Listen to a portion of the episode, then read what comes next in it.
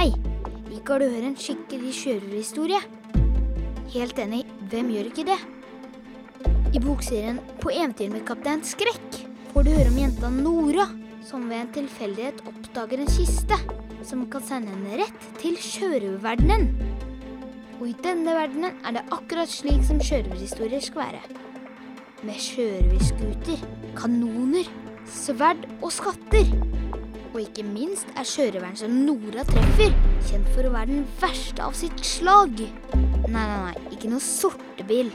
Ikke tegneseriekrok eller sabeldamfjompen. Sjørøveren jeg snakker om, er mannen som får alle andre sjørøvere til å tisse i buksa. Jeg snakker om skrekk. Kaptein Skrekk. Jeg heter Oskar, og i denne podkasten har du fått noen smakebiter fra boka 'Skatten på Kokosøya', og jeg har truffet noen av hovedpersonene i serien.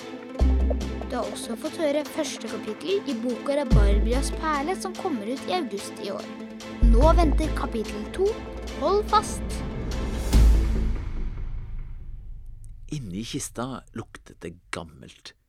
Litt som gamle, fuktige klær blandet med tjære og sjø. Jeg vred om nøklene, én på hver side. Jeg hørte et kraftig knepp, og kistelokket dro seg ned mot kista, slik at ikke engang en liten lysstripe slapp inn. I det samme begynte kista å riste og snurre. Jeg svevde gjennom tiden, det kilte i magen som om jeg kjørte karusell og berg-og-dal-bane på en gang. Der jeg lå inni kista, så jeg for meg ansiktet til kaptein Skrekk. Jeg håpte så inderlig at alt var i orden med ham. Kista stoppet med et brak. Et nytt knepp hørtes, og lokket løsnet igjen. Jeg var tilbake i sjørøvertiden. Jeg satt helt stille i kista og lyttet. Var alt som det skulle, og kunne jeg løfte av lokket? Jeg forsto fall at det ikke var til havs, for da ville jeg kjent bølgenes bevegelse i kista. Lydene utenfor var helt annerledes enn knirkingen og klukkingen av vann mot skutesiden som man alltid hørte i Skrekks sjørøverskute Ragnarok. Det var helt stille utenfor, så jeg tok sjansen på å åpne kistelokket på gløtt for å se meg om. Det var helt klart at jeg ikke var i skuta til kaptein Skrekk. Jeg befant meg tydeligvis i et kjempestort rom i en slags borg. På veggene hang det malerier og vakre tepper. Det var brennende fakler og sverd av gull. Midt i rommet sto en himmelseng. I den satt en mann i bare underbuksa og med en krone på hodet. Han så sur ut. Han kastet kirsebær inn i munnen, tygget dem med misfornøyd ansikt, før han spyttet kirsebærsteinene på gulvet. Det banket på døra. Kom inn, sa han med kronen. To soldater kom inn i rommet. Jeg hadde sett dem før. Offiser Over og menig Øtt. Over og Øtt til kong Aubergines tjeneste, ropte Over. Jeg stønnet for meg selv inni kista. Jeg hadde tydeligvis havnet i slottet til den grådige Aubergine, kongen av Rabarbria. Han og kaptein Skrekk var bitre fiender. Men hvor var kaptein Skrekk? Ah, for noen fjols dere er. Selvsagt er dere til tjeneste, dere er jo tjenerne mine, sa kong Aubergine mens han fortsatte å tygge på kirsebærene sine. Jeg trodde at vi var soldater, sa Over.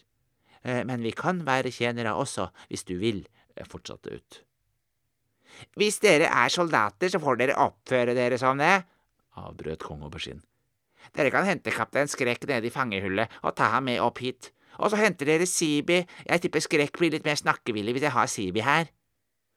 Ok, sa offiser over.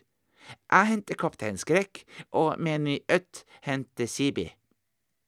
Eh, sa Øtt og prikket over på skulderen. Jeg kan kanskje hente kaptein Skrekk, og så henter du Sibi. Jeg er nemlig litt allergisk mot katter. Det er jeg òg, sa Over. Veldig allergisk, faktisk. Stille! brølte kong Aubergine. Siden dere er omtrent like dumme som tøflene mine, så tror jeg det er best at begge to går og henter Sibi, og deretter Skrekk, så slipper dere å rote det til. Nettopp, sa Over. Akkurat det jeg skulle til å foreslå, sa Ut. Over og ut fra over og ut, sa Over. Han viste tennene sine i noe som skulle være et smil mens han dyttet ut foran seg ut døra. Kaptein Skrekk var så tatt til fange av kong Aubergine. Det forklarte hvorfor kista sto her i slottet. Jeg byttet stilling i kista. Det var ganske trangt og vondt å sitte slik jeg satt. Jeg håpet at de snart kom med Kaptein Skrekk, slik at jeg fikk vite mer om hva som hadde skjedd. Med ett gikk døra opp, og over og ut løp hylende inn. Ah, jeg er veldig allergisk mot katta, skreik over mens Ut gjemte seg under kongens seng. Bak dem gled en stor skygge inn døra. Sibi var ikke en katt. Sibi var en sibirsk tiger. Kom, pus, sa kong Aubergine. Jeg så den store tigeren hoppe mykt opp i senga og legge seg ved føttene til kongen. Og nå henter dere skrekk, sa kong Aubergine. Eller er dere allergiske mot sjørøvere også, kanskje? Eh, jeg er faktisk eh, begynte Ut, som fortsatt lå under senga. Hent ham! Hent ham! skrek kong Aubergine. Ellers blir du tigermat! Over og ut pilte av gårde. Kong Aubergine og Sibi ble sittende i himmelsenga og vente. En gang stjal Skrekk et verdifullt kart fra meg, sa kong Aubergine og klødde tigeren under haka. Nå vil jeg ha det kartet tilbake, og stakkars Skrekk hvis jeg ikke får det. Jeg grøsset. Kartet kong Aubergine snakket om, var det samme kartet som kaptein Skrekk og jeg hadde brukt forrige gang jeg var på eventyr i sjørøververden. Da hadde vi funnet en kiste med gull på en øy som het Kokosøya. Jeg tror faktisk at dersom Skrekk ikke gir meg kartet, så skal du få spise han til middag i dag, sa kong Aubergine og så på Sibi. Sibi kastet fornøyd på nakken og brølte så høyt at kong Aubergine holdt på å falle ut av senga.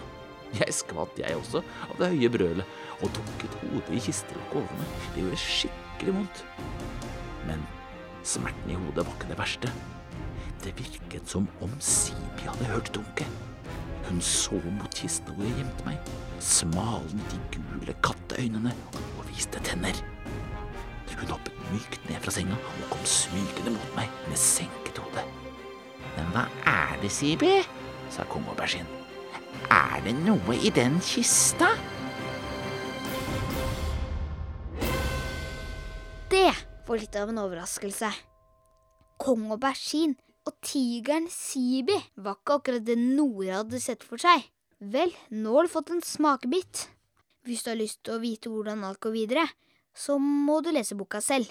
Men det er ingen tvil om at det blir spennende å være med på eventyr med Kaptein Skrekk.